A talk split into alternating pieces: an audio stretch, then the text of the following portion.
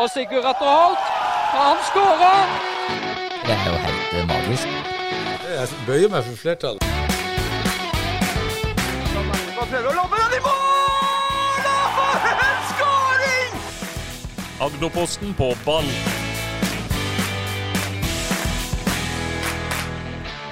Hjertelig velkommen til Agderposten på ball. Dette er en episode jeg har gleda meg vanvittig til. For endelig da, så har vi fått med selveste traumagudfar, traumaseniorrådgiver, traumaildsjel, grillkokk, Tor Ole Dalen. Endelig var det på plass i Agderposten på ballstudio. Velkommen. Tusen takk for at, vi, at jeg fikk lov til å komme. Det er skulle bare mangle. Og så har vi med oss en annen lokalfotballegende som dessverre ikke nådde opp da vi kåra tidenes breddefotballag. Eh, men eh, han, eh, han burde kanskje vært der. Erling Børresund, som har stått både i mål og forsvar og vært, nei, vært trener og det meste i Arendal-fotballen. Velkommen. Tusen hjertelig. Det er stort stort altså, ha så to legender på besøk her, Roy. Ja, det er helt eh, fa eh, fantastisk. Når du snakker om nominasjonene, Erling Det var jo usikkert på om vi skulle ha han som keeper eller eh, utespiller. Det var vel kanskje derfor han ikke ble nominert. Han var nominert. Altså, han, fikk, han var nesten han var på, sånn på vippen. Ok, Ja. ok. Nei, men, men eh, det er litt morsomt nå, for jeg har sittet på morgenen. Jeg har en slags sånn uh, bikkjeperm, uh, som jeg kaller det. Fått uh, hund, så jeg sitter hjemme og koser meg mens den sover. Og da satt jeg i dag på morgenen og leste artikkel opp og artikkel ned fra 2005, 6, 7. Det var noen spennende år, Erling. Ja, det vil jeg anta. Men jeg tenker hele tida på det med eh, Jeg sto vel fire-fem kamper i mål. Og så har jeg spilt 400-500 ute, og så er det det du blir huska på. Da er du faen meg middels, altså. Men du var jo forut for litt tid, Erling. Du var jo jævla god med beina. altså. Ja, det, er jo, det, altså, det kulminerte jo dette her, da. Det bare, altså jeg, som er um, var 16-17-18 år på den tida, eh, jeg husker jo ikke så mye liksom, av detaljene. Jeg husker jeg spilte, Plutselig dukka mitt navn opp i noen lagoppstillinger der fra Jerv mot uh, FK Arendal og greier. Men jeg husker ikke så mye av det. Men du, den store snakkisen der, en periode i Agderposten spalte i hvert fall, var jo, Erling, da du eh, kom inn som assistenttrener, vel, eh, og Gaute Haugenes var trener. Riktig. Og så hadde du vært forsvarsspiller, og du hadde stått litt i mål, og så tok du en kamp der hvor rett og slett Gaute Haugnes valgte å vrake Asle Andersen, som var førstekeeper den tida, Helt riktig. og du sto i mål. Ja. Det skapte litt reaksjoner. Åh, ja. Det var så mye etterkant. Jeg trodde ikke Jeg skulle ønske jeg hadde latt det være. For det ble så mye gnagg og negativitet, spesielt for Gaute. Eh, Jeg klarte meg sånn noenlunde. Eh, Men Gaute fikk altfor mye tyn for det der. For det situasjonen var at det var mye skader. Og de, nå er jeg kanskje litt stygg, men i, den perioden så følte vi at noen var ganske uinteressert, altså. Og da var det, var det Gaute å sette ned foten. Ja. Men jeg skulle ønske det var ugjort. Det må jeg si, altså. Ja, for det, altså det, Nå kan vi le av det, det er 15 år siden, men da så var det ganske altså Tom Bukker Hansen, Hansen som sitter her oppe hos i Agderposten-redaksjonen, han skrev en kommentar hvor han var horribelt, og han ramslakta Haugenes der. Det er helt riktig, og jeg, jeg syns jo kanskje at Tom var litt i overkant streng. Men nå setter, jo Tom, nå, nå setter jo Tom ting litt på spissen av og til, han òg. Og han har ikke rett i alt han har sagt, altså. Nei, men det, det jo et Du, du, du husker jo det her, Roy. Altså, det her var jo da eh, året etter uh, altså, nå For å ta litt uh, rekkefølgen her, da, for det synes jeg, jeg synes jo det Ja, er det er jo viktig. For det, du, uh, Roy, var jo der i tre-fire år i FK Land. Fire, år. Fra Fra 2001 til 2005. Ja, for det kan hende vi har en del lyttere på min alder, og kanskje yngre også, som ikke husker dette så godt. Og Da var du trener her, og fikk fyken. Ja. En toårskontrakt, ett år igjen, og nok var nok.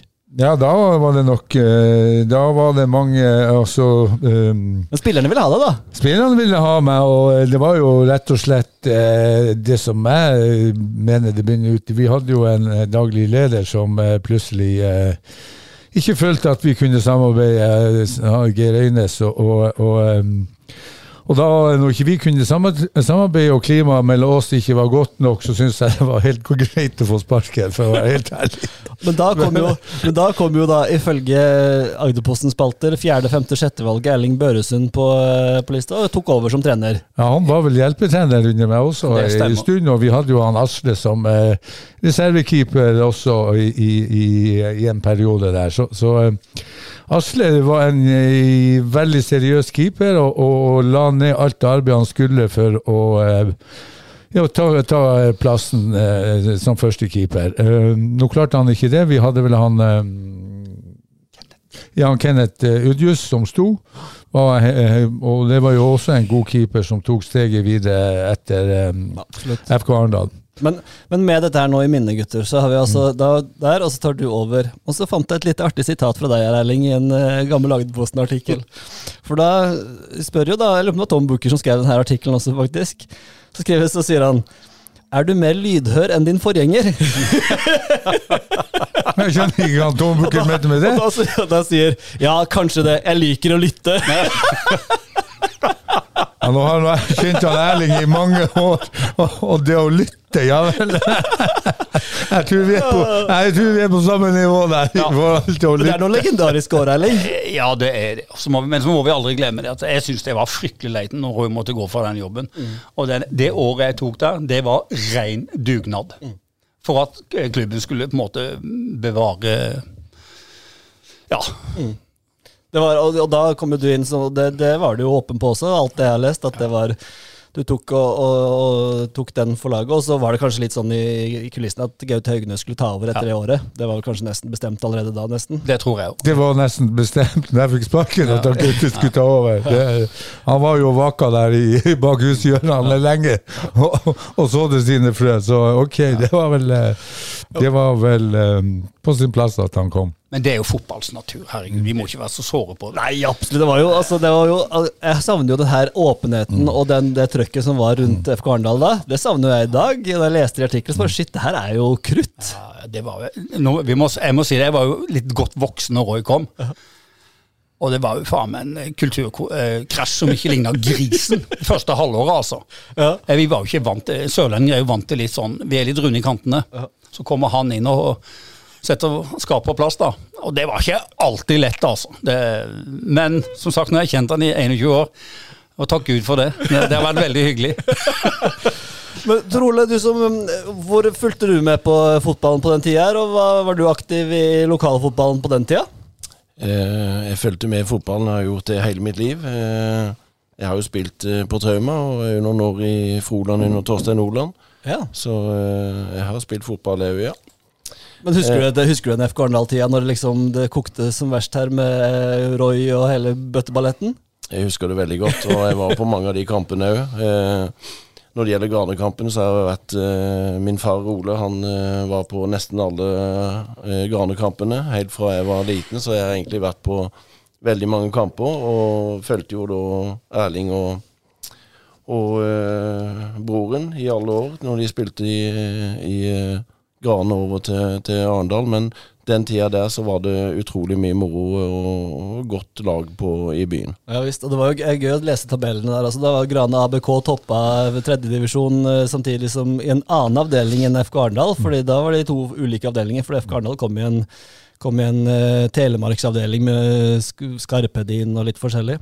Ja, jeg synes vi gjorde, altså det skulle være en sammen, FK Arendal skulle være en sammenslåing av eh, klubber, og vi skulle jo få de Iallfall når jeg tok jobben, skulle vi jo få de beste spillerne fra de ulike klubbene. Men eh, heldigvis fikk vi kanskje ikke de beste, men vi fikk de, de som ville trene mest. Og vi var trente faktisk fem til seks ganger i uka, og i første sesongen så ble vi faktisk nummer tre, og i, i andre sesongen så vant vi, men tapte kvaliken.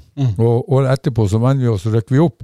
Så, så vi, vi klarte fire eller to seriemesterskap og et opprykk og et nedrykk under den perioden. Og det, skal vi ikke glemme, og det er faktisk litt eh, stolt av. Jeg satt og drodla siste ting om den, litt om den tida. Vi kommer sikkert tilbake til det, men jeg satt og drodla med mine kompiser Lars Eide og Ørjan Kronheim, som, som også spilte på Jerv i den tida. Og du husker jo at vi spilte mot FK Arendal. La, Lars skårte et, et fantastisk mål fra 25 meter i krysset, men i samme kamp så var det Gaute Gautestad som hensa. Husker du det, Roy? Ja, jeg husker det. Ja, ja, ja.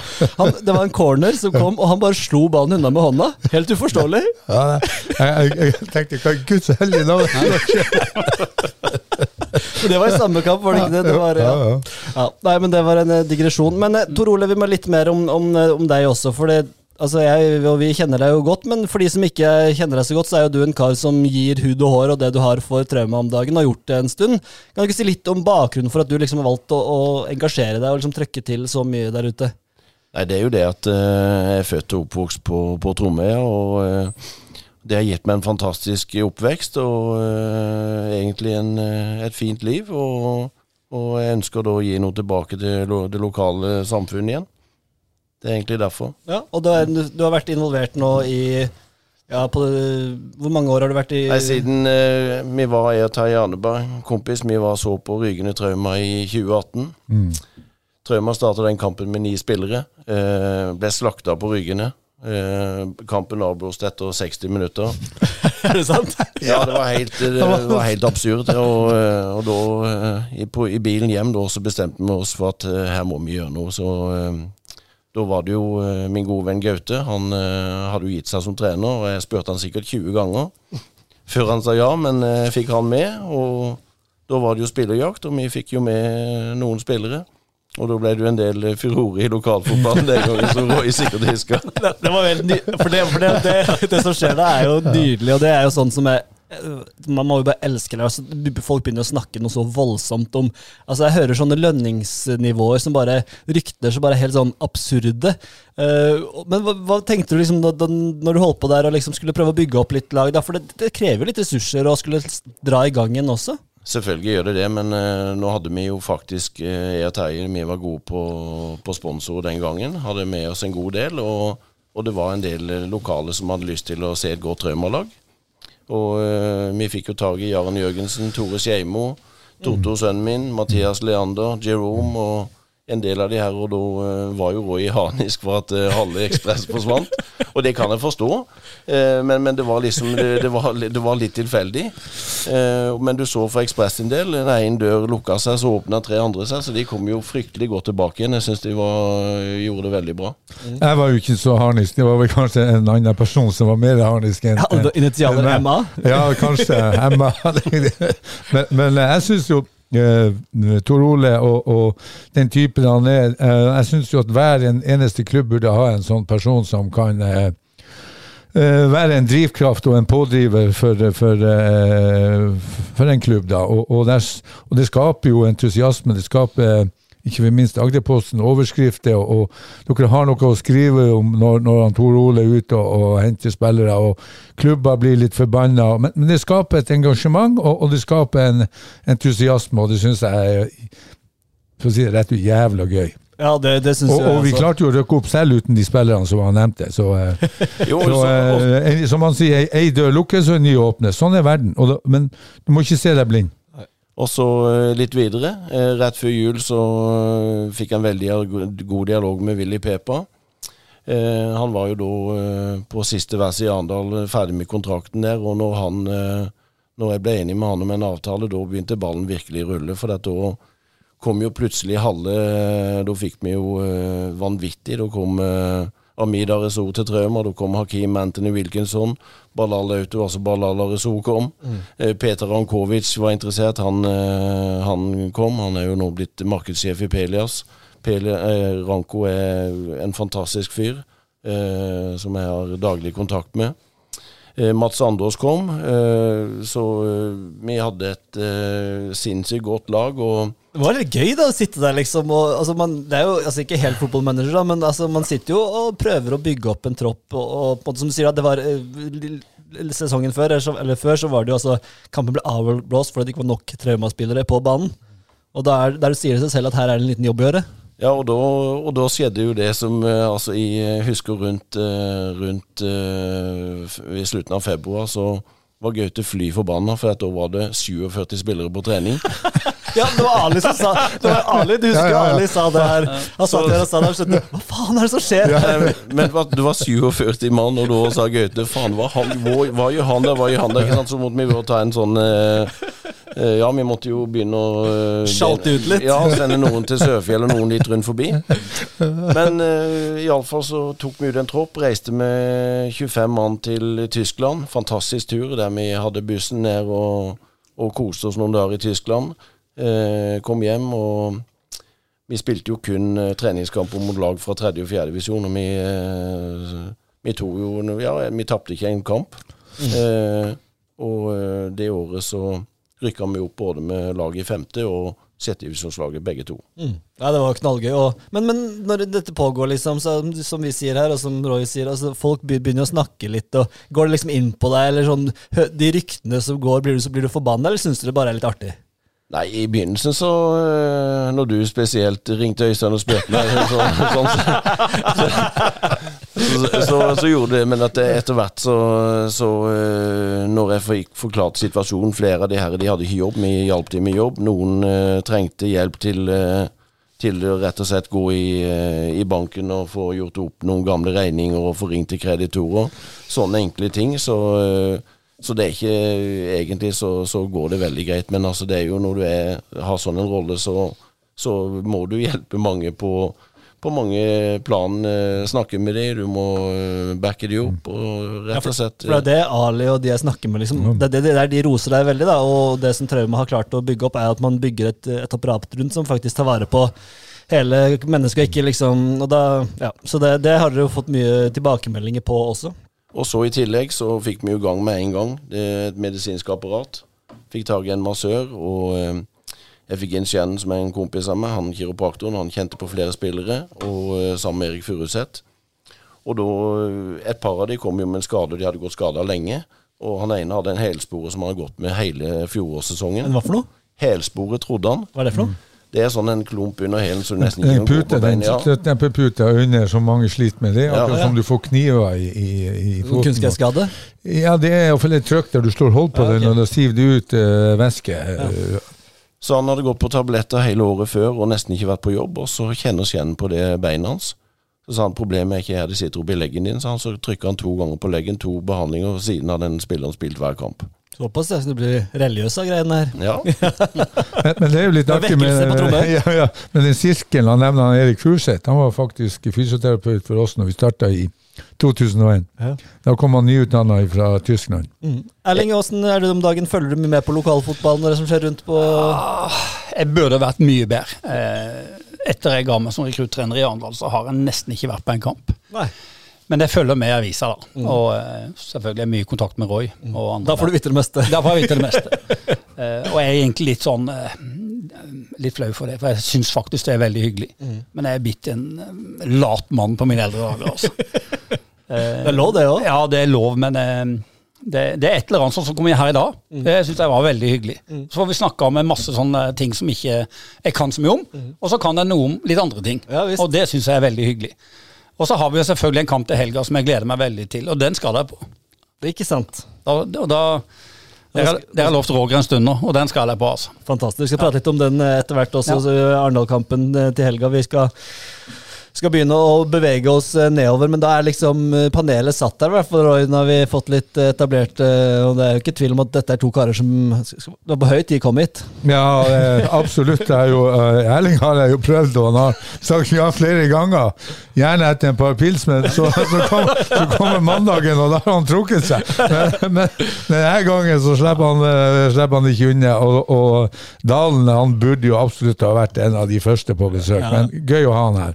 Men Erling, jeg må spørre litt Ja. om det der overgangen fra forsvar altså, du, Som du sier, du spilte fi, altså, eh, Det er jo litt pinlig for meg, meg å si, men du spilte jo som du sier, mange hundre kamper i Arendalsfotballen for eh, ja, både Grane og Du var i Jerv Ja, det var. Grane, Jerv, uh, Øystein i mange år. Ja. Og så kom FK Arendal og overtok den plassen. da. Ja, ikke sant. Og, og, men jeg, når jeg, så bare, når jeg eh, husker jeg skulle sjekke, og bare men er ikke han keeper? Altså, men det er ikke forsvar men Det var ikke mye du var keeper, men det har liksom hengt ved, det. Siden Det har det. hengt ved, og det kan du takke Tom Bukker for.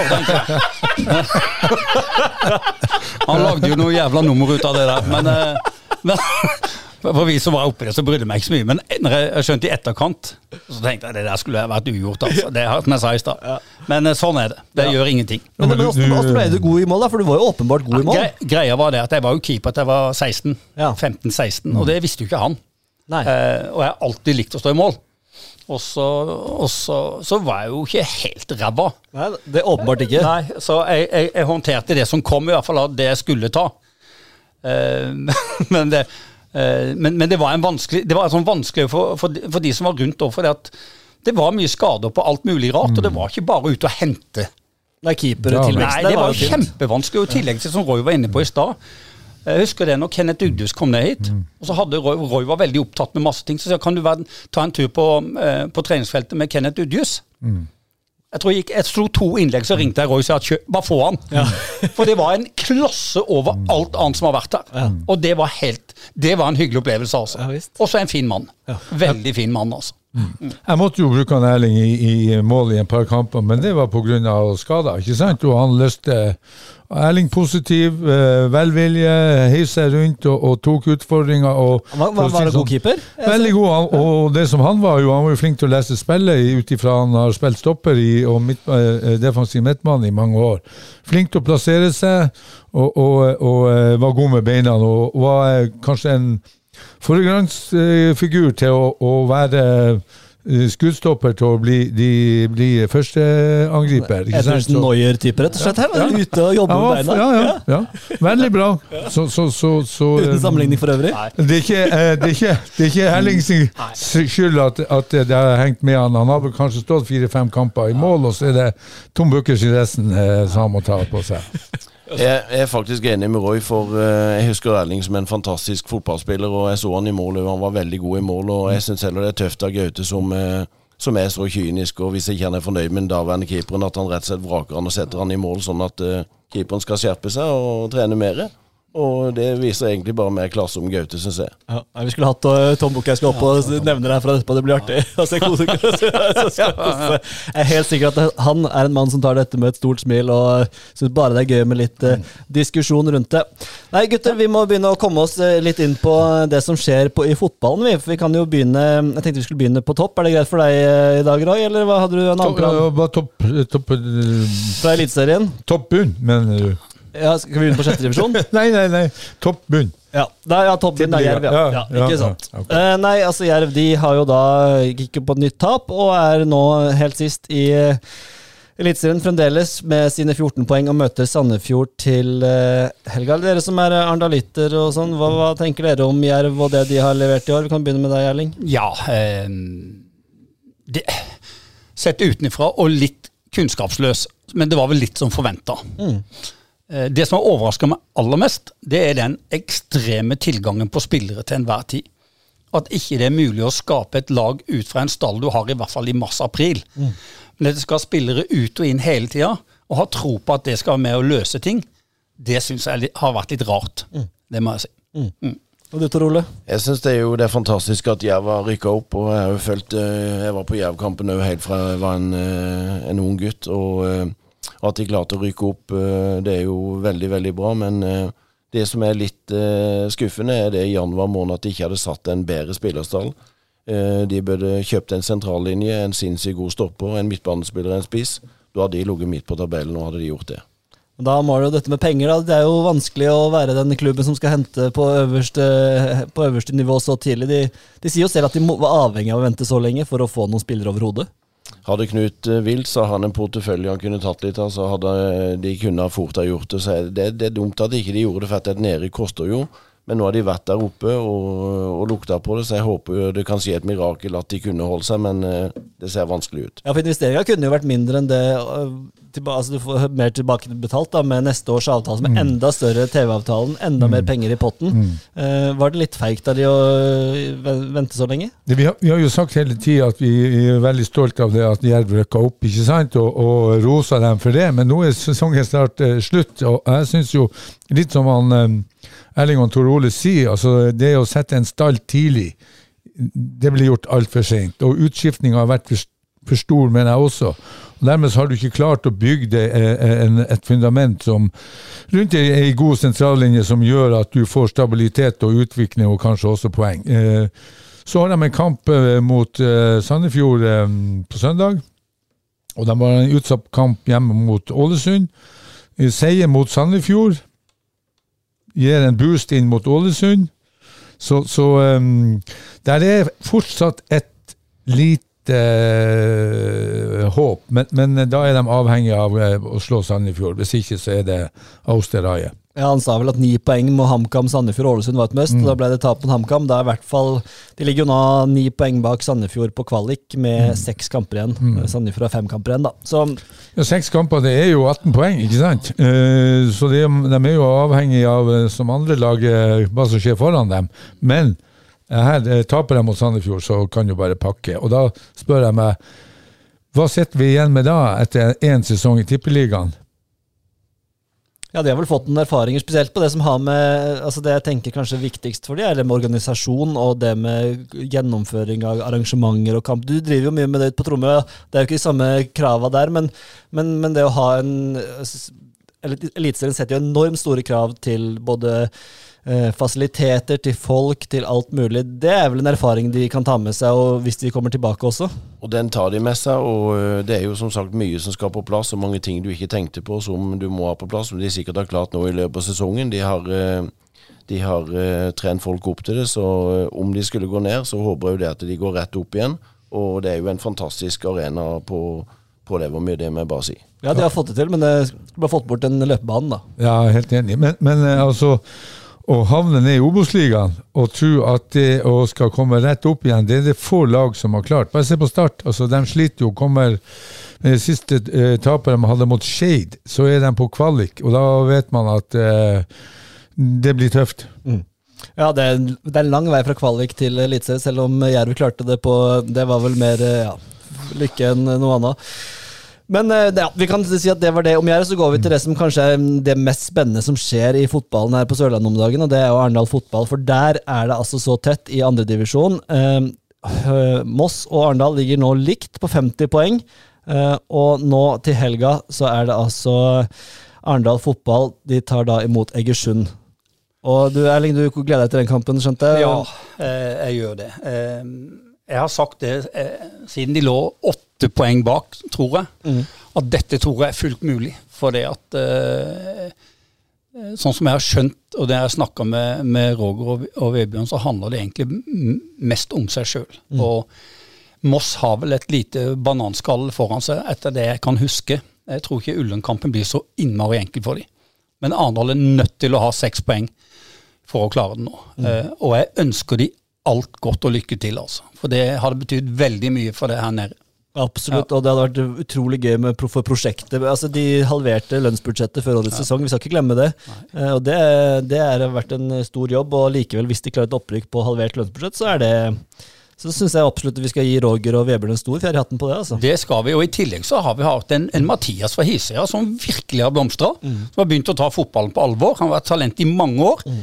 Har vært en ressurs i hele år. Mm. Og det skal vi òg være veldig eh, glad for. Mm, absolutt, og det er jo enda gøyere med lokale spillere. Men hva tror du, Roy? Tror du det blir eh, Nå har vi sagt liksom, jeg, har vært, jeg er jo alltid skeptisk til eh, Arendal fotball, for de har fått meg til å håpe mange ganger, og så går det galt. Men nå har de liksom vunnet de jevne kampene. De har hatt mm. noen kjipe perioder, men de vinner. men du ser litt sånn småskeptisk ut i skjegget, Roy? Jeg er veldig spent. Også det skiller jo fem Moss har fem plussmål mer enn Arendal.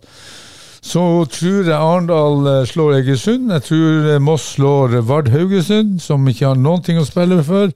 Så er det siste kamp, da. Da skal Arendal til Odd 2. Og Odd 2 kjemper om å unngå nedrykk blir tøft. Ja, men de spiller som sagt. Så, ja, jeg vet ja. de spiller samtidig som, som uh, Odd i, mot Vålerenga. Ja, jeg husker ikke om det er Vålerenga, men ja. samtidig. ja. Og så har uh, Moss borte mot Ullern, og de kjemper òg om å unngå nedrykk. Så ja. Um, jeg tror ikke Arendal går på en smell mot Egersund. Der tror jeg de vinner. Og jeg tror også Moss, Moss slår Vard Haugesund, og da blir det tøft i siste seriekamp. Jeg tror jeg det blir nerver ute og går. Jeg får nesten puls her. Men det kan jo bli viktig å vinne mye? Selvfølgelig, og jeg så jo artikkelen i, i, i Agderposten i dag om at de, spillerne i Arendal har trua på å ta igjen de fem målene.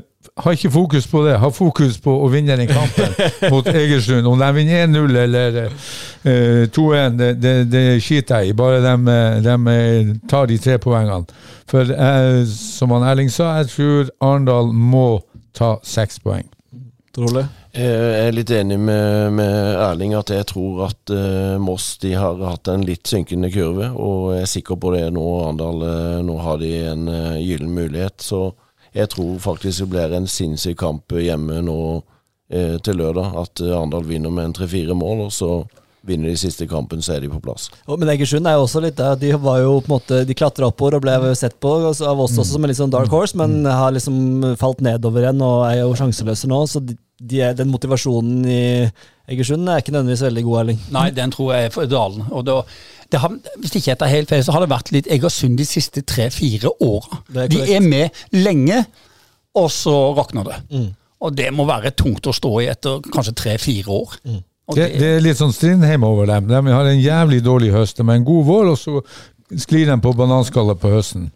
Ja, Da kan det jo bli mye mål, da, hvis de, hvis de kommer hit med lav motivasjon. og nå er Jeg helt enig med deg, tre poeng er viktigst, men hvis de leder 2-3-0, så er det ikke noen grunn til å sikre da, da regner jeg med du som trener ville sagt kjør på Roy òg. Ja ja, er du på styret, men, men uh, Led først 2-3-0. Ja, kom nå dit først, altså. Uh, uh, altså du kan jo altså Moss mot Vard Haugesund kan jo også bli en 5-6-0. Ja, Kan det. Ja, ja, så, Ja, ja. så ta nå de poengene. Ha det i, i, i hodet, og ikke tenk målforskjell. Har man riktig fokus, så kommer målene etter hvert. Og nå er det jo gratis inngang, ja, Tor Ole? Men uansett divisjon så er det jo alltid, som Roy sier, noe som skjer i de siste kampene. ikke sant? Der kan båndlagene slå topplagene, så en vet aldri. Det er alltid noen merkelige resultater. Ja, det er helt sikkert. Ja. Vi, vi spilte jo kvalik mot Odd 2. Erling, husker du det? Jeg husker det godt. Ja. Og hvem møtte vi da? Da hadde de, da hadde de Arne Sandstø, da hadde de han der nederlender, de hadde faen meg hele A-laget med. da? Ikke Pierre, hva heter han? Van Ankeren. Van Ankeren var med, og det var jo eh, Ja. Og vi, vi tapte jo der borte stort, men hadde nesten dem på, på eh, vippen på hjemmebane. Men ja, ikke sant? Og hva gjør Odd2 nå, da? Ikke sant? Å Rykke ned til, til tredjedivisjon med, med Odd2. Mm. Ja, nei, det er, blir- det er så utrolig. Men, og det er jo viktig å huske på her, det er gratis inngang til lørdag. Mm. Eh, anbefaler jo alle å ta turen. Og, eh, hva betyr støtte i en sånn kamp, eh, Erling? For den gjengen som er i Arendal nå, så tror jeg det betyr utrolig mye. Eh, Jeg tror alle nyter det. Jo flere folk som kommer og ser dem, jo gøyere er det å spille. Mathias Johansen, apropos, spiller alltid bedre med flere folk på Han, grunn. han har et sterkt hue. Han er en fin fyr. Eh, Og noen syns det er litt, eh, litt skummelt. Men den gjengen som er der nå, de tror jeg håndterer det veldig bra. Det kjedeligste er å spille for 30. Men, må, men det må jeg spørre om litt sånn eh, på sida av det med gratis inngang. Nå skjønner jeg det er veldig positivt for Arendal, men det å ha gratis inngang, er ikke det på en måte litt å devaluere sitt eget produkt? Og skal man ikke kunne forvente at her er det jo en inntektsmulighet, og at folk skal ønske å gå på kamp? Og Det er jo et godt uh, spørsmål det du sier, for dette, eh, sånn uh, tilskuermessig så er jo det en, en uh, vei som uh, Arendal har å gå. De burde gjort mye mer tidligere i sesongen for å fått enda flere tilskuere på kampene. Så, så eh, ja, de Altså Hadde de hatt gratis tidligere i sesongen for eksempel, og fått uh, gjort det Jeg vet ikke, jeg, jeg kjenner ikke Mm. grepet eller hva man må gjøre, det er ikke noe fasit på det, men, men jeg syns at ofte så er det sånn Nå mobiliserer vi det er gratis inngang, og veldig bra av Norak og av Fossekompaniet som går inn med de pengene, men ofte så blir det sånn Produktet vårt er ikke godt nok, så vi gir det gratis. Skjønner du hva jeg mener? Ja, ja, At ikke jeg skjønner hva det du mener. Her er Jeg, jeg, jeg tror jo publikum vil ha kommet til denne kampen, uavhengig om det var gratis eller ikke. For den, det er så mye spenning og det er så mye nerver i det her at jeg tror folk har lyst til å gå og se på uh, Arendal. Uh. Sier gratis for barn, da, så sponser Fossekompaniet og Norak med de pengene i stedet, liksom. At de kan bruke det på andre ting til Nå har de ikke noe breddelag, men, men altså, at de i hvert fall kan eh, gi det til klubben, eller et eller annet. Jeg vet ikke. Det er bare en sånn tanke jeg har gjort meg på veldig mange av disse kampene hvor det er folkets kamp, det er gratis osv. Det er veldig positivt, men samtidig, det er jo en veldig stor inntektsmulighet som går tapt. Men det, en- det en gjør, en så jo inn noe for framtida. Hvis de kommer på kamp nå, får en god opplevelse og Arendal vinner 5-0, så har de lyst til å gå på Arendal-kamp igjen. Det er jo et kjempepoeng, selvfølgelig.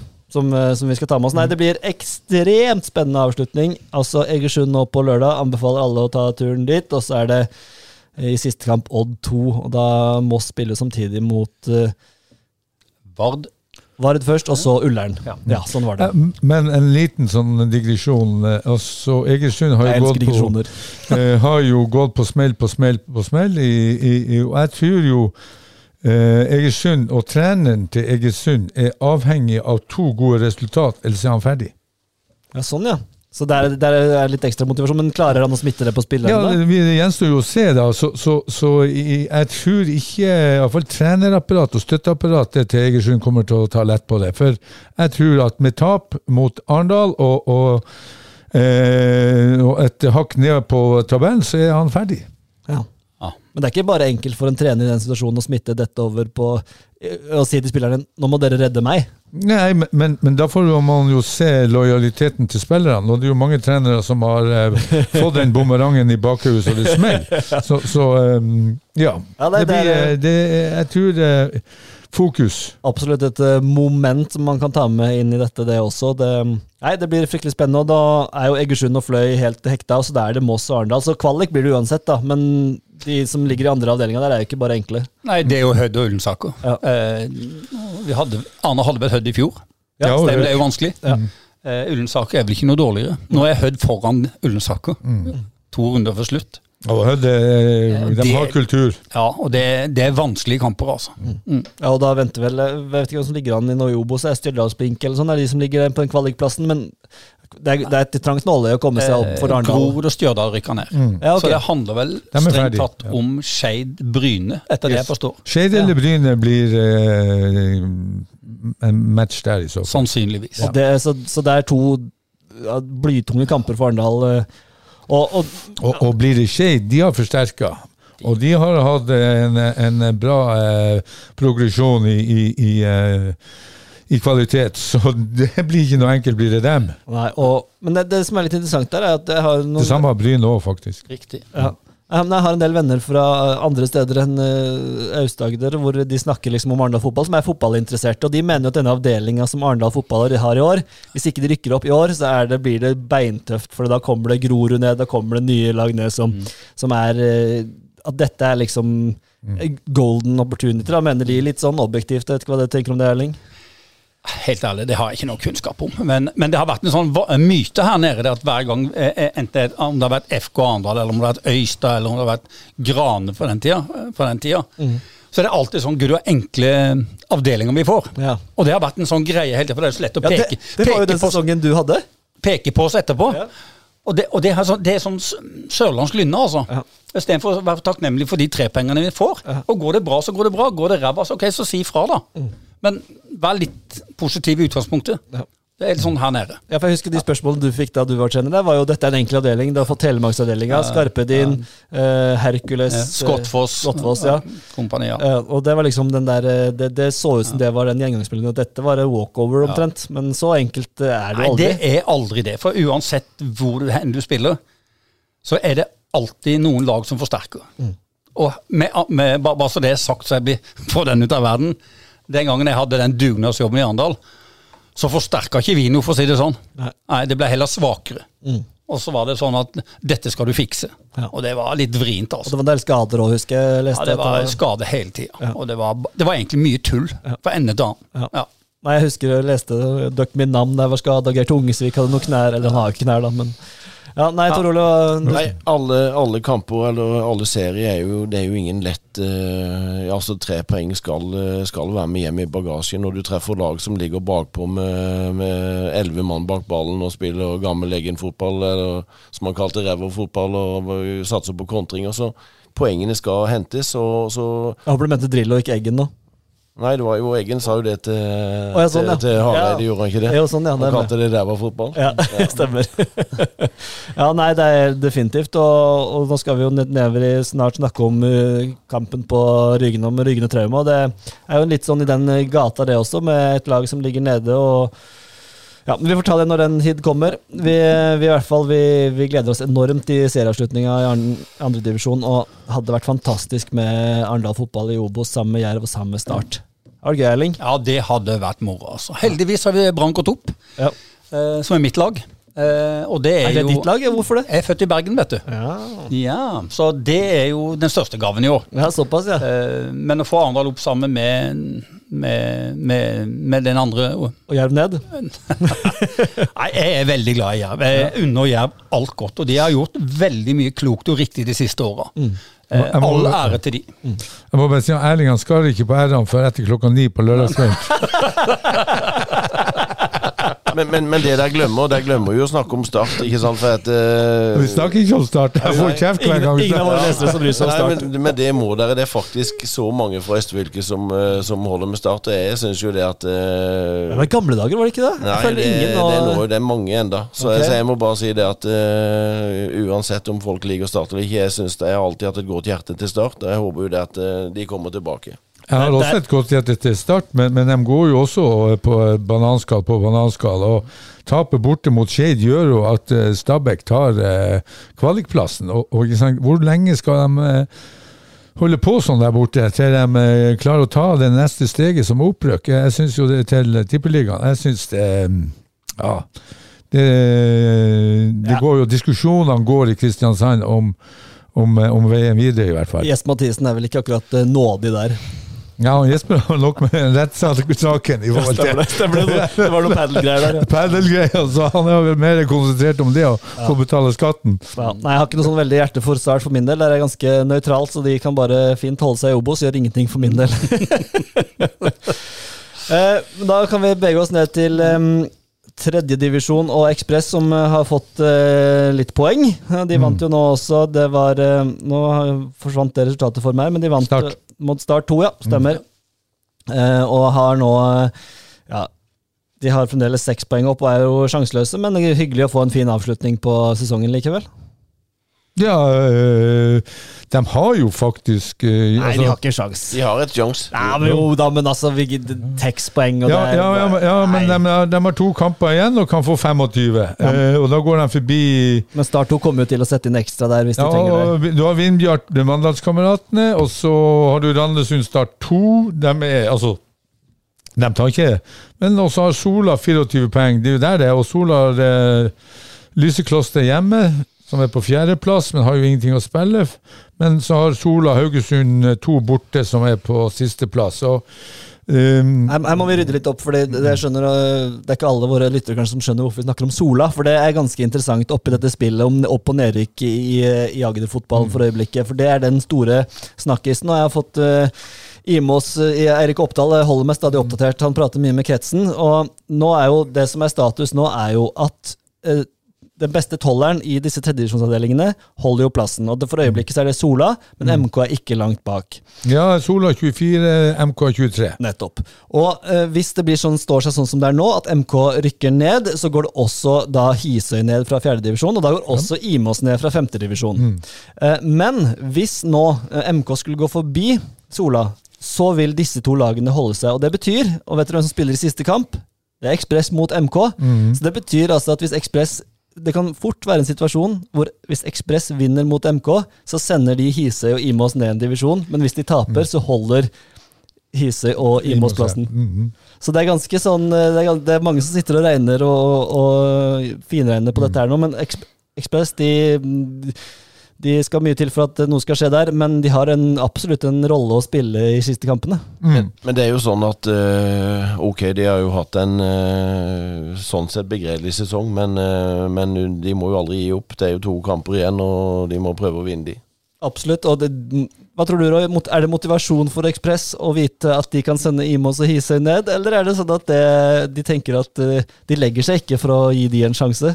Ja, jeg, vet, jeg vet ikke om de tenker Imos eller Hisøy. Jeg, jeg tror de tenker først og fremst kampen til lørdag klokka to mot uh, Eik Tønsberg. Vinner de den, så blir det, og, og Sola ikke tar poeng, Ja. så blir det eh, eh, en kamp borte mot MK i siste serierunde som kan bety mye for eh, lagene rundt her. Men Sola har jo lett motstander igjen. Hjemme mot Lysekloster øh, og borte mot Haugesund 2, som er røkket ned. Så øhm, Nei, men, men der er et lite håp. Ja, det, og det mm, så Nå kommer jo alle til å følge med på uh, Rogalandsavdelinga i tredje divisjon på slutten der. Men de må jo vinne først da mot Eik Tønsberg. Men uansett så tror jeg det kan bli en meget viktig avslutning for mange lag, det som skjer i tredje divisjon. Selvfølgelig. Og det er jo, Jeg vet jo at mannen vi hadde uh, forrige gang, Christian Hermansen, følger nok nøye med på hva som skjer der. Mm. Så, men det beveger oss jo fint og glidende over til eh, fjerdedivisjon, det, hvor eh, jeg hadde den store glede av å dra på planen igjen. og Det er jo blitt en av mine favorittbaner, som eh, jeg har nevnt flere ganger. og må, Det kan jeg jo ta først, da, Erling. Jeg syns det er fantastisk hvordan De har bygd og Det skal jeg ha en liten høne å plukke med deg, Tor Ole. Men det er flere er på gang. Men de har jo bygd en liten tribune der med sitteplasser og tak over, så det, selv om det regna, så var jeg var aldri redd for å dra dit. Og det er jo et utrolig, ganske lite grep, men som gjør at det blir mer attraktivt å dra på lokalfotball. Hvor er du snakker om nå? Planen på Ja. Rygene. Ja, På Rygne, ja. Ja. ja. Der er det alltid hyggelig å komme. Ja. Ja, ja, ja, det er alltid trivelig. Fine mennesker òg. Eh, og ja, det, du vet, det er ikke mer som skal til noen ganger. Nei. Det handler rett om å bare legge forholdene litt til rette for en billig penge, så folk har lyst til å komme og se. Og det er all ære til de for det. Og det samme hadde vel gjort på Hisøya. Ja, absolutt. Og det Ja. er en liten, fin tribune. Men Ja. på Tromøy, trolig, hva skjer der? Er det ikke noe tak ennå? Nei, det er faktisk eh, på vei. Det, vi har bygd helt ny tribune. da sitter han og bestiller nå mens vi prater, så sitter han og bestiller. Nei, nei, nei, men, men det, er Tak, en, eh, takflaten er på vei. det er en sammensatt uh, opplegg. Det, det gule bygget bak, det skal ned, så vi skal forlenge og gjøre det større, sånn at vi skal bygge terrasse oppå. Der skal det forlenges utover tribunen, så det blir en fint anlegg. Og såpass, ja. ja. Ja, ok, Så for noe, du gjør det ikke halvveis du når du først setter i gang her? Det er jo Traumer som gjør, det er ikke meg som gjør, men jeg var faktisk med på eh, en del av den dugnadsjobben og gravde eh, rundt banen og kjørte vekk hele den gamle tribunen og satt hele påska og kjørte vekk en 130 lass med masse der, så jeg har gjort mitt. Ja, det er fantastisk. Men det er jo, det er jo et grep som gjør at det er attraktivt å komme på kamp, da, med litt, eh, litt fasiliteter og litt kiosk og Nei, det er å dra på planen, ikke sant, med tak og overbygd tribune, og så gratis pølse fra Agdersveis, ikke sant. Da, er det, da blir det Får du gratis, du? Er det spons? Ja, det er jo gratis pølse alltid. Ja, Agdersveis sponser jo. Ok, det, det er jo smøring av meg, så derfor jeg må betale i dyre dommer, da. Nei, jeg- Kjell Inge hadde ikke penger med, så jeg måtte gå inn og kjøpe en pølse til han, så han kjøpte så det. Men, men, men iallfall til, tilbake til den kampen. eh, Sånn som Rykene, jeg må si litt om Rykene. For, eh, for eh, de ligger jo helt i bånn med ti poeng. De to siste kampene de har vunnet, fått en par seire nå, men det er egentlig Rygene er mye bedre enn den, selv om de sier at tabellen aldri lyver, så syns jeg at Rygene har, eh, har hatt uflaks. De, eh, de er faktisk ikke noe dårlig lag. Nei, og, den kampen som da endte med til slutt 5-1, var det den? Ja. 5-2. 5-2, ja. Eh, som til slutt endte 5-2. Da satt jeg jo der og koste Altså, det, jeg må bare ta det. Det var så gøy å sitte der. Jeg satt der med min, eh, en god kompis, og bak meg satt Tor Ole og Ali og flere til, og noen rygende patrioter. Og det, altså, jeg har aldri hørt så mye meldinger blitt sendt over den banen noensinne. Så det er altså et Jeg skulle hatt sånn, jeg sa tidligere, jeg burde hatt livepodkast fra ryggene fra planen, fra tribunen der. Da tror jeg vi hadde fått mange lyttere. ja. Men, men, men, måtte, noen har måttet ha blitt sensurert, tror jeg. Absolutt, men i kampen da så var det jo sånn at Ryggene er jo et veldig godt lag, men de mangla jo Frank Audun øh, glemte jeg etternavnet, og Paddy på topp, som har skårt, stått for mye av målskåringa for Ryggene. og det var jo selvfølgelig et stort tap for de, men likevel veldig jevn kamp. Det var en del kul, det var veldig mye action, det var en del dommersituasjoner. Eh, Espen Larsen satt bortafor og var dommerobservatør og kunne melde både øst og vest. Nei, han, han kunne vel ikke melde, men han fikk meldinger. Både fra deg, Tor Ole, og andre. Så, så men eh, Ryggene, og så blir det på slutten sånn at Trauma er bedre trent. De kommer mer inn i kampen og vinner til slutt 5-2. Men det var en gøy kamp å se på, Tor Ole. Jeg må jo si det at kampen var gøy, men jeg var jo flau på våre vegne den første omgangen med det som du kan kalle anti-over. det var høye baller i midten, og nå hadde vi med en del eh, Holdt jeg på å si av de spillerne som ikke har spilt så mye i den kampen, for, eh, for eh, vi hadde en del skader og litt karantener, men Ali hadde sitt åttende gule. Ja, han hadde det, men, men jeg må si det at den første omgangen der var vel årets verste fra våre side, og eh, utrolig dårlig. Men vi hadde jo på vår side noen kjempeskudd der som han Helge Mortensen i mål var jo fantomredninger på. Helt rå. Helt Så de, de kunne fort ha ligget under mye mer, men, men altså de fikk lov til å eh, slå høyt og langt, og, og var jo farlig. Ja, men det må jeg si, I første omgangen så var det jo de som spilte, og Ja, ja. Trauma som slo langt. Ja, opp og høy. Jeg sier det at jeg fløy for den første omgangen. og Mer kan jeg ikke si, men eh, vi skal nok eh, vise oss fra en bedre side til lørdag. Ja, men med andre omgang var jo langt bedre da, og da, liksom, da begynte man å spille litt og, og trille litt forbi ryggene, for sender du baller opp i lufta mot eh, Stian Rikke og Andreas Jensen baki der, og sånn, så får du, tilbake, får du tilbake med renter. Du gjør det, og, eh, og Rygene, som sagt. eh, De har flott arena, og, og ja, de der folka fra Rygene de følger laget tykt og tynt, så, eh, så er jeg faktisk imponert. Det er bare så synd at eh, at de eh, lager for lite unger, var det ikke det vi ble enige om? Roy.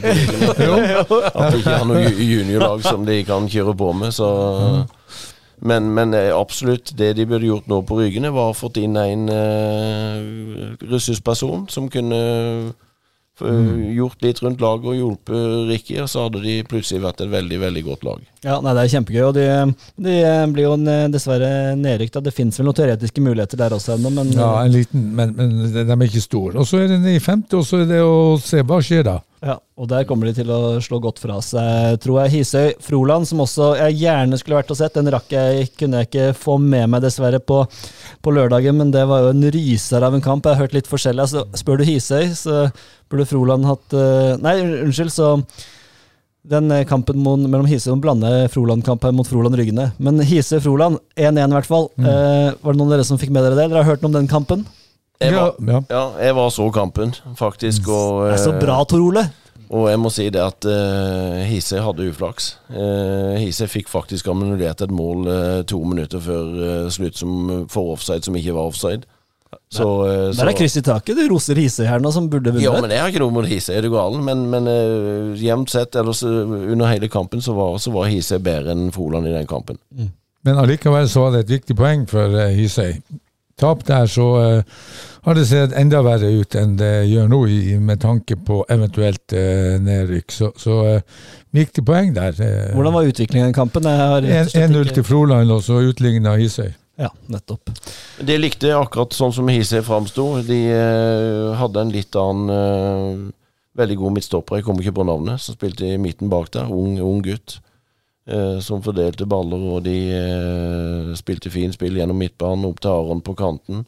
Fine innlegg. Så nei, jeg syns at eh, at det der eh, Hisøy-laget der som kommer til Tromøya til, til lørdag, det skal bli en batalje, en kamp. Var det Vetle Leikvoll som var baki der? Og han er jo en meget god spiller, Ja. som, mm.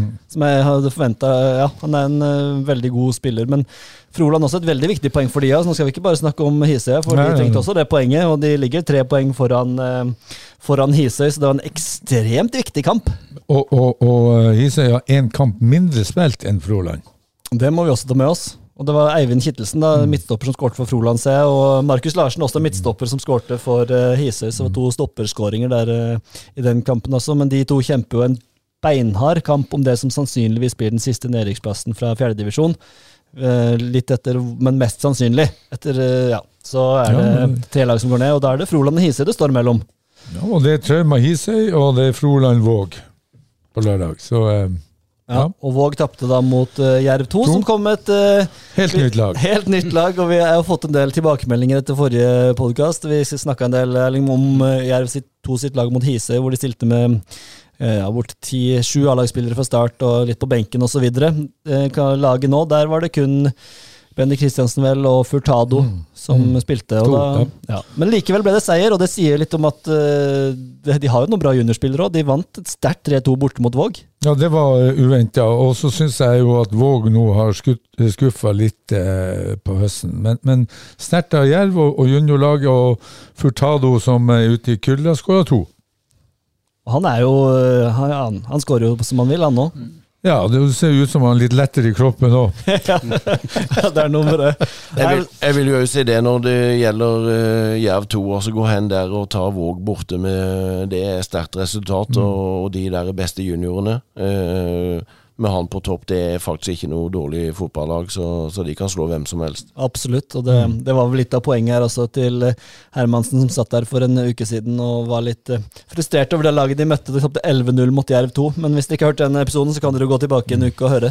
Jo, men, men ikke sant, jeg og jo snakka litt om det i forkant. altså De, eh, de ligger med de poengene de ligger, og det er jo Vi kikka på det, de har sluppet inn nesten fire mål i snitt per kamp. Så, så alt ligger jo ikke De har ikke Nei da, det er ikke sånn at det nødvendigvis hadde blitt uh, storseier hvis eh, Jerv 2 hadde spilt et annet lag. Nei, det er riktig, men med all respekt, de, de gjør ingenting ulovlig. Nei De, da. nei, de har lov å spille med de spillene de bruker. Ja. Og det er, vær så god, her er du i fjerde eller femte divisjon. ikke sant? Ja, Sånn er det. Men det var ikke det vi sa heller. Det, det, det jeg påpekte, det var jo at jeg mener eh, andrelaget skal være en arena for de som ikke får spilt, som er i avstand. Og så syns jeg at da skal man eh, gjøre det i hver kamp. Og, og da blir det fair play også. Og som eh, Erling sier, det er, det er De gjør ingenting ulovlig. De har stille med de spillerne de kan. Og så er det helt riktig som han, eh, Tor Ole sier, at eh, Hisøy har et snitt på fire mål i, i, i Raua eh, hver kamp. Så, så eh, man ligger der man ligger, og det, det skal man ikke skylde på den enkeltkampen. Absolutt ikke. En, ting, en ting til. Eh, når coviden var over, så var første kampen eh, Den var eh, Trauma mot Jerv eh, på Hove. Og da kom faktisk eh, Jerv med omtrent det de kunne av de kanonene. Latt i fu og det det beste som var. Vi fikk jo kjørt oss godt til å være en jevn kamp. Balal Auto hadde en fantastisk skåring. Vi vant 2-1. Hva kalte du han? Ba- Jeg kaller han Balal Auto, for han er jo så rask.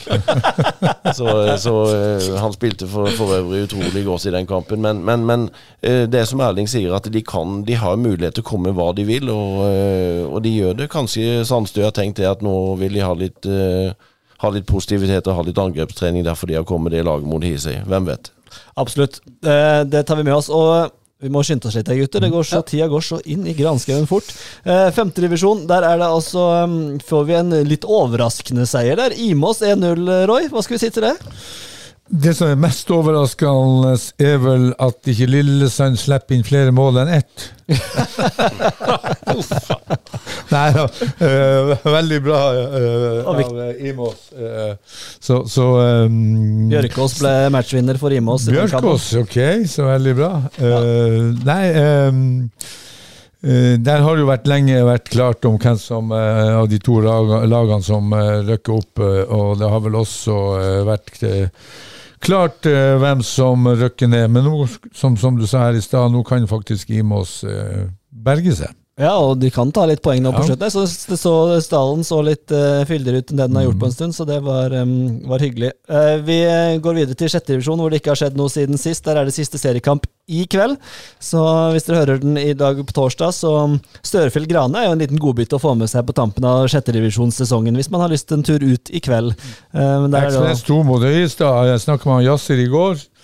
Eh, fikk tilbud om å bruke spillere fra avstand. Han sa nei, vi bruker de samme som vi har brukt i hele år. Tøft. Sånn liker jeg. Det liker jeg, og det er også på Fevik i dag i kveld. Den også. Veldig fin kamp å få med seg det også, mot 1 og 2 på tabellen. Eh, kan vi se litt av styrkeforholdet mellom de to lagene, men nå er det kanskje sjampisrus på Nednes? Ja, det er vel sannsynligvis det. Men det, er, det som overrasker meg aller mest, det er at det er, så, det er veldig få penger som skiller de. Når du tenker på at det er et annet lag i tredjedivisjon, så syns jeg de har hengt godt med, altså. All ære til det Morten og Harald har gjort, altså. Men at Ekspress har vært så nær. Men det overrasker meg. Ja, det kan bli ett poeng. Ja, det kan faktisk det. Og Morten eh, Knutsen, apropos etter forrige sending, så var jo en sportslig ledelse raskt ute på Nednes og bekrefta at eh, han ble med videre. Det var vel eh, det var fint å få med Morten Knutsen videre for eh, Øystad, tror du ikke det, Tor Ole? Jo, det er viktig. Morten er en god trener, og, eh, og han har fått med Harald. eh, Så jeg tror at eh, ja, de kommer til å, å gjør det bra i femtedivisjon. Nå skal vi møte de med våre unggutter, så det blir spennende, det. Absolutt. Nei, Det er eh, siste serierunde i kveld. altså De har ingen kamper spilt siden forrige sending, så da trenger vi ikke å si så mye om det. Men kanskje neste uke da, så får vi prata litt om eh, hvordan de siste serierundene der gikk, og litt uh, oppsummere sjettedivisjonen litt. Over på kvinnefotballen så er det da ble det spilt ferdig i andredivisjonen for eh, kvinner. Arendal eh, fotball de tapte 5-1 mot Odd, men det gjør ingen verdens ting. De holder plassen i andredivisjon, som er å regne som et opprykk. Mm. Og det er jo Gleden var stor, selvfølgelig, men eh, hva betyr det å ha et litt sånn eh, kvinnelig flaggskip også i Arendal? For det har jo mangla i noen år. Tor Ole? Nei, jeg syns jo det er veldig bra. og Larry, som jeg har vokst opp sammen med, han er jo i trenerteamet sammen med Lars Inge, så det er jo imponerende hva de har gjort. Eh, Nå er jo Lisbeth Rothschild hun er blitt kjæreste med min sønn, så det ble mye fotballprat for tida. Ja, Såpass, ja. Så da er det hel fotballfamilie Det er nå. helt fotballfamilie, så, så det er veldig hyggelig. Hun er veldig veldig snill og grei jente. Nei, det det, for, for byen så er det jo bra. Du ser alle de her store klubbene rundt i landet. De eh, vil ha et godt damelag, så det er veldig, veldig positivt. Mm. Og nå har de jo muligheten nå til å ta denne plassen i Aust-Agder som liksom, og Sørlandet som det store flaggskipet. For det, Gimletroll de skal ut i kvalik. Eh, Spennende å se om de klarer å holde seg. Eh, Stor nedtur for Start hvis de rykker ned, selvfølgelig. Eh, Og Amazon Grimstad de tapte og rykker mest sannsynlig ned. Ligger nå seks poeng bak eh, Klepp, så det ser vanskelig ut. De spilte mot Gram Bodø. De leda 1-0 til pause. Fikk en pushmelding der, men eh, tapte 2-1. Og nå ser det tungt ut. Men eh, nå er det kamp om den plassen. Det blir veldig spennende å se hva som skjer med Amazon. Og det er kamp om den nummer én-plassen i damefotballen, Roy. Ja. Eh, Hvem tror du tar den? Hvem tror du på en måte omfavner den? Tar den? Er det Start med sine økonomiske muskler, Arendal Fotball, som kan ta den plassen, eller Amazon klarer de å bygge, opp, eh, bygge seg opp igjen? Jeg, jeg, jeg, syns jo som han uh, Mr. Dalen sier, at han Larry og Lars Inge har gjort noe veldig bra med, med det damelaget til, til Arendal. Jeg tror ikke det var egentlig mange som hadde trodd at de skulle klare å være topp fire.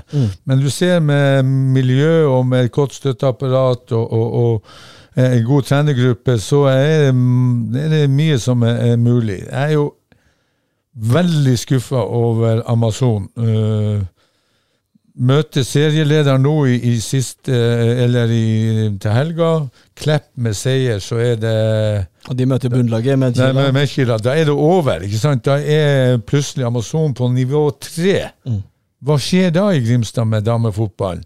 Jeg tror jo Hengmo Nye vil flytte seg til Kristiansand. Med, med, Gitt at med, holder seg, da. For det blir ikke lett Ja, å skape et hegemoni med tredjedivisjonslag.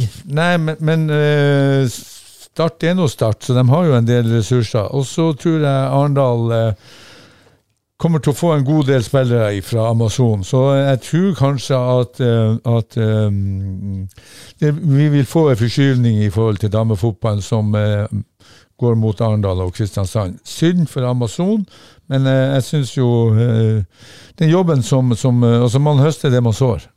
Dessverre. Og det som er positivt med Arendal Fotball, som også må få med her, er jo at de har jo veldig føler, ja, Min opplevelse er i hvert fall at de har veldig næringslivet her og, og Fosse Kompani og den type store aktører i ryggen, og har litt armslag på altså Veldig ofte så er det jo det økonomiske som presser disse kvinneklubbene, og de, de har veldig få ressurser. Men i Arendal Fotball så det er ikke at det blomst, at det liksom ruller over med penger, men det virker som det er et godt fundament. Eh, Hva er ditt inntrykk av det, Tor Ole? Du som jeg- kjenner mange folk både her og der. Jo, jeg, jeg, jeg kjenner mange folk rundt, eh, rundt det laget, men det er jo eh, Ja, det virker trygt og godt, det de holder på med, faktisk. Eh, Jeg må bare si det at ja, hvis de klarer å føre den videre, så kan det bli veldig, veldig bra. Ja, og Hvor viktig er det å ha den økonomiske tryggheten, at du ikke går liksom på stylter hele tida på krona?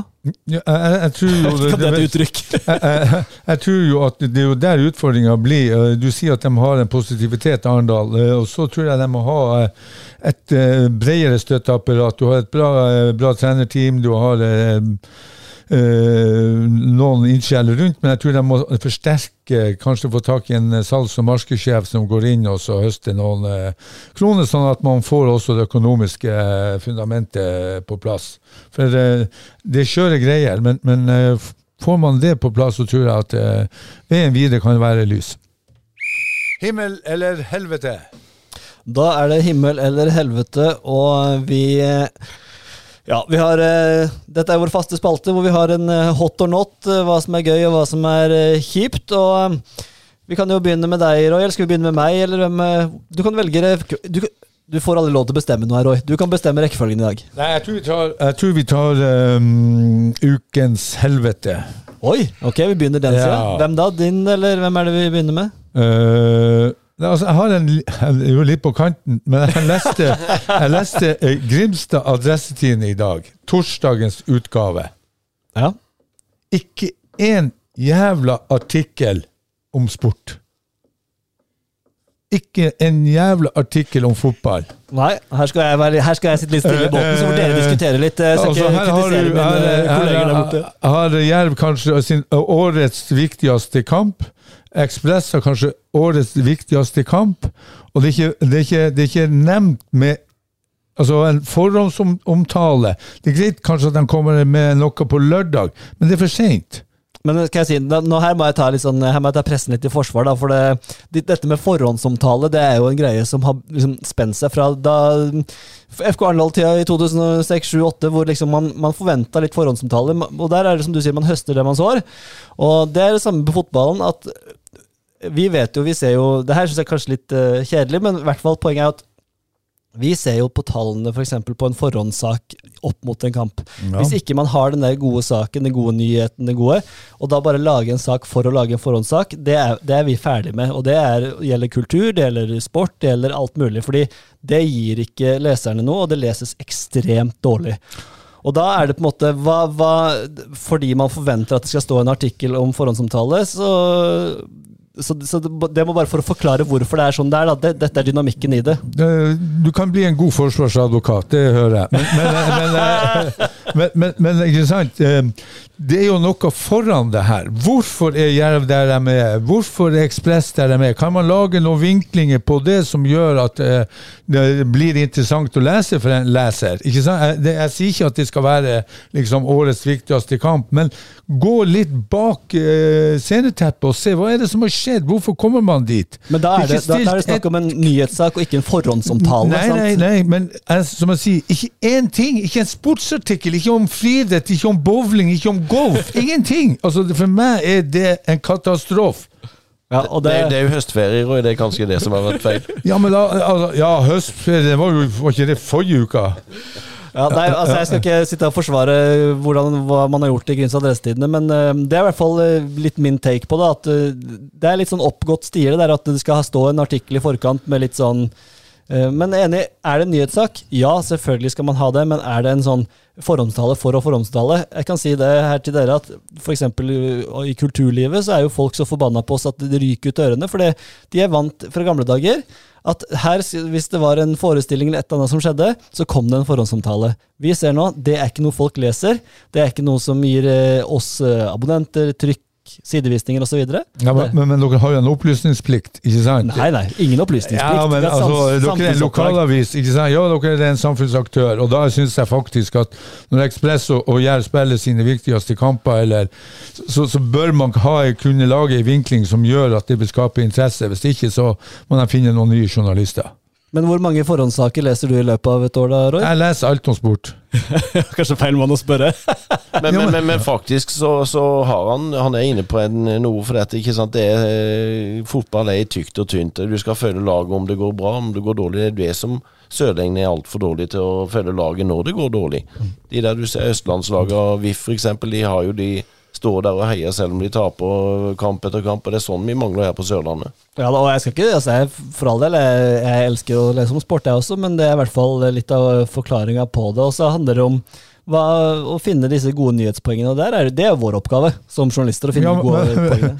Hvis vi skal finne ukens helvete, så må vi jo ha noe som vi kan hente ut derfra. Nei, Jeg syns det er god helvete. og Litt eh, samfunnskritisk Det er pressekritisk her, det liker jeg, Roy. Eh, Tor Ole, hva er det din eh, himmel Nei, helvete. Vi begynte på helvete i dag. Nei, det er faktisk eh, Det er jo Amazon. Altså eh, min gode venn Gaute som tok den jobben. Og jeg føler han har hatt en stigning i programmet, og jeg vet han går inn all in for å prøve å få det til. Og så, og så har det blitt mye bedre. Eh, de har tapt eh, Jeg har vært og kikka på de et par ganger, og de har spilt bra på Levermyr. Tapte mot Gran Bodø nå, så han har rygg til å bære om de går ned. Men eh, jeg syns det er kjedelig og, og synd for de der spillerne og, og de som jobber rundt Amazon, så jeg håper dette kan skje et mirakel der òg. Ja, Men de har jo sett mye bedre ut i siste kampene. Det skal virkelig Gaute ha. Det, det har de gjort. De har sett mye bedre. Han har gjort en veldig fin jobb, og hadde han kommet inn på et tidligere tidspunkt, så hadde han klart det 100 Nei, så det er, eh, det er trist. Det er absolutt et helvete. Erling, har du noe på helvetesida? Dette kom litt bardust på seg. Ja, jeg har ikke fulgt godt nok med til å komme, men det var himmelen å være her. Det var veldig hyggelig. Det er som jeg tar som himmelen. og så kan vel Roy være litt helvete av og til, da. Det kan, det kan han jo. Men en god, men en god mann. Ja, Nei, men den, var, den eh, tar jeg, da. Min, eh, min helvete, det er eh, Altså det er både helvete og himmel, så det blir jo en litt glidende overgang. Det er at jeg ikke får sett Trauma Hisøy, som jeg hadde veldig lyst til å se på lørdag. Men himmelen er jo da at min datter skal spille sin første fotballturnering. Oi, så det oi, veier jo litt sånn opp og ned her, da. Men jeg syns jo det er et helvete at jeg ikke får komme meg ut i Trole der og få kjøpt noe burger og kost meg. Men sånn, sånn er det noen gang. Det er vel litt Ja, og Åh, da holdt jeg på å glemme noe viktig her, Tor Ole. Ja, det er konsert i helga. Ja, for det er konsert i helga. Det blir jo kjempestemning ute på Trauma. Og i den anledning så har jo du kommet til oss her med seks billetter, rett og slett. Det har jeg gjort, og det er jo som sagt eh, Vassendgutane Nei, Vassendgutane sier det er rotløst til helga.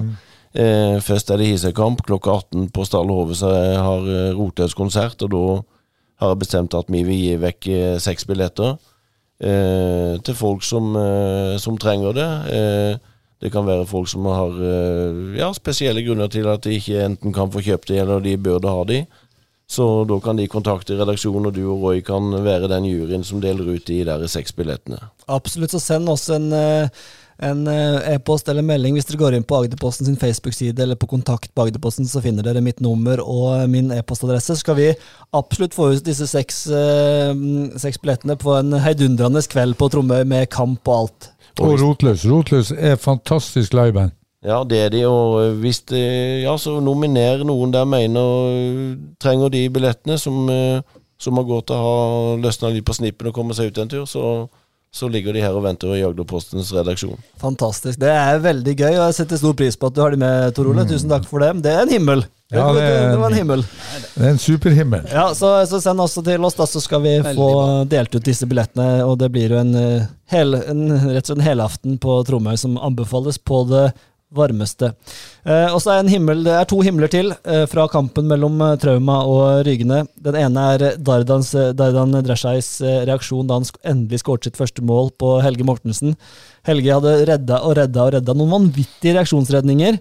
Og til slutt så skårte Dreshaj, og da gikk han bort til Helge Mortensen og tok han i hånda og sa liksom 'takk for kampen til nå'. Endelig så klarte jeg å komme forbi deg. Det syns jeg var gøy. Og ikke minst da Beck eh, Eivind Karlsen. Han gjorde at det ikke var noen spiker på kampen. Han er jo en fantastisk spiker og har lagd eh, Rygende-låta, men eh, han var på spilte kamp og var Altså, han kom med noen kommentarer opp på tribunen der underveis i kampen som var Altså Det var latterkrampe blant alle. Vi er tipper var rundt 100 stykker som satt der, kanskje. Alle lo av full hals når han kom med noen kommentarer underveis i kampen, like før kast og greier. Ei- Eivind Karlsen, eh, legende. Mm. Er min ukens himmel. Jeg syns det var vanskelig å finne mm, himmelen i, i eh, denne gangen. Men uh, utligninga til Hisøy mot Froland eh, og skåringen skåring med Markus Larsen, den tror jeg var himmelen for Hisøy. Og så da blir det min himmel denne gangen. På himmelen din, eh, Tor Ole? Nei, det må jo være Det må jo være de gutta vi har. Altså, eh, vi har jo hatt eh, kanskje, som jeg mener, en av Sørlandets beste keepere, Mathias Leander, i Trauma. Vi har masse gode gutter nå med, med Dardan, vi har Tobias Enong, og vi har den persiske hingsten. Men på eh, Han er, han er for øvrig, for øvrig oppkalt en etter hingsten til vi har i stallen, som er både modig, han er litt gal, høy og mørk, og eh, kan finne på det meste. Men, men stemmer det at du tilbød han å komme ut på hest første kamp, eller var det du nå bare fant på? Nei, det stemmer, det. Den Det er så bra! Det er så bra. Men iallfall, den, den himmelen min er faktisk en uh, telefon jeg fikk av Dan Andresjøy, som er en fantastisk fotballspiller. Han ringte til meg dagen etter Rygene-kampen. Så sa han det at til Ole sa han eh, tusen takk for at du fikk meg til Trauma i fjor, sa han, for dette nå har jeg endelig fått den gleden, innvendige gleden av å spille fotball. Og, og eh, det hadde han ikke hatt på mange år når han spilte, han har liksom bare spilt fotball. Så, så den, eh, akkurat det, den telefonen han tok der, den var med mer enn eh, ti seire. Ja, det skjønner jeg godt. Og du ser det på han? Altså, Ja, du han ser på er det. når han- Helt utrolig. Det er bare en eh, Altså, folk kom til Tromøya klokka tre til, til, på HVC og se Dardan seg, for han Jeg sa det til Dardan at jeg er sikker på du skårer tre mål mot Tisøy til lørdag, sa jeg. Nei, sa han, jeg skårer fire. Det blir nok et nytt veddemål der, da, fra, fra, fra Roy og Tor Ole, kanskje, Mm. på Dardan-scoring. Det kan det bli. Ukens høydere. Ukens høydere, og nå har vi snakka mye om det vi har eh, som er høydepunktene her, da, men uh, i og med at ikke jeg får dessverre kommet meg på eh, Trauma Hisøy, så må jeg velge meg en annen kamp. Og jeg håper at jeg får dispensasjon fra min frue i kveld til å, å Jeg har ikke bestemt meg. Ekspress 2 Øystad eller Sørfjell Grane. Det er to kamper eh, begge har lyst til å se, men kanskje Fevik, eh, Ekspress 2 Øystad. Det får bli min høydere. Hva sier du, Roy? Nei, uh, ukens høydere, det, jeg har jo tre her. Det er jo Ekspress mot uh, Eik Tønsberg, Arendal mot Egersund og ikke minst Trauma mot uh, Hisøy. Og det er jo et must win for uh, Hisøy, og det er et must win for Ekspress. Og det samme for Arendal. Så her blir det mange Fantastisk helg. Ja, det blir jo Og så er det serieavslutning. ikke sant? Kan du få noe bedre? Altså, det kommer, SMS-ene kommer til å gå varmt der Ja, ja, ja, ja. i Agderposten på ballredaksjonen. Det blir helt eh, ekstremt å følge alle med, med alle de kampene, så det gleder jeg meg ekstremt til. Og ikke minst 2016-turnering i Søgne Kiwi Bama Cup der på, for dattera mi, og det blir spennende å følge. Tor Ole, hva ser du fram til? Dumt spørsmål til deg, vil jeg tro. Hva som er ukens høydere? Ukens høydere for meg er faktisk min datter som skal ri eh, Grand Prix E45 i eh, Oslo H-show i, eh, i morgen. Og så kommer hun rett hjem. Hun er jo i, veldig flink i sprangriding, men når det gjelder fotball, så må det jo være kampen mot Hisøy til lørdag.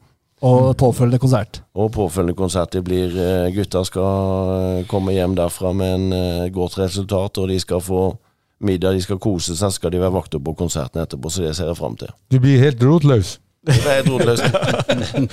Ja, Erling, hva ser du fram til eh, kommende uka? Nei, det blir Arendal-Egersund, selvfølgelig. Eh, gleder meg veldig til det. Nå skal jeg ta turen nå, så jeg, skal, jeg, håper at det, jeg håper jeg får en fin opplevelse. Det satser vi på, vi håper det blir eh, fulle tribuner der. Det trenger Arendal fotball i en ekstremt spennende innspurt. Det koker i mange av divisjonene, og vi, ja, vi skal kose oss i helga. Det håper vi dere gjør. Kom dere ut på kamp. Kom dere ut og se på eh, Støtt opp, eh, spill i om det er Jerv, eller om det er Arendal fotball eller sjettedivisjon. Kjøp en pølse i kiosken og støtt din lokale klubb. Det minner vi alltid om, Roy. Ja, det er så mye spennende at folk må kle på seg, komme seg ut og treffe kjente og se toppfotball. Fantastisk. Tor Ole Dalen, det har vært eh, nydelig å ha deg på besøk. Tusen takk for at du kom. Tusen takk for at vi fikk lov til å komme. Erling Børesund, veldig hyggelig at du tok turen. Keeper eller forsvarsspiller, du kan i hvert fall levere med mikrofon. Likeså. Roy Ludvigsen, vi høres og ses neste uke. Det gjør vi. Mitt navn er Øystein Bjerkestrand, på gjenhør om en uke.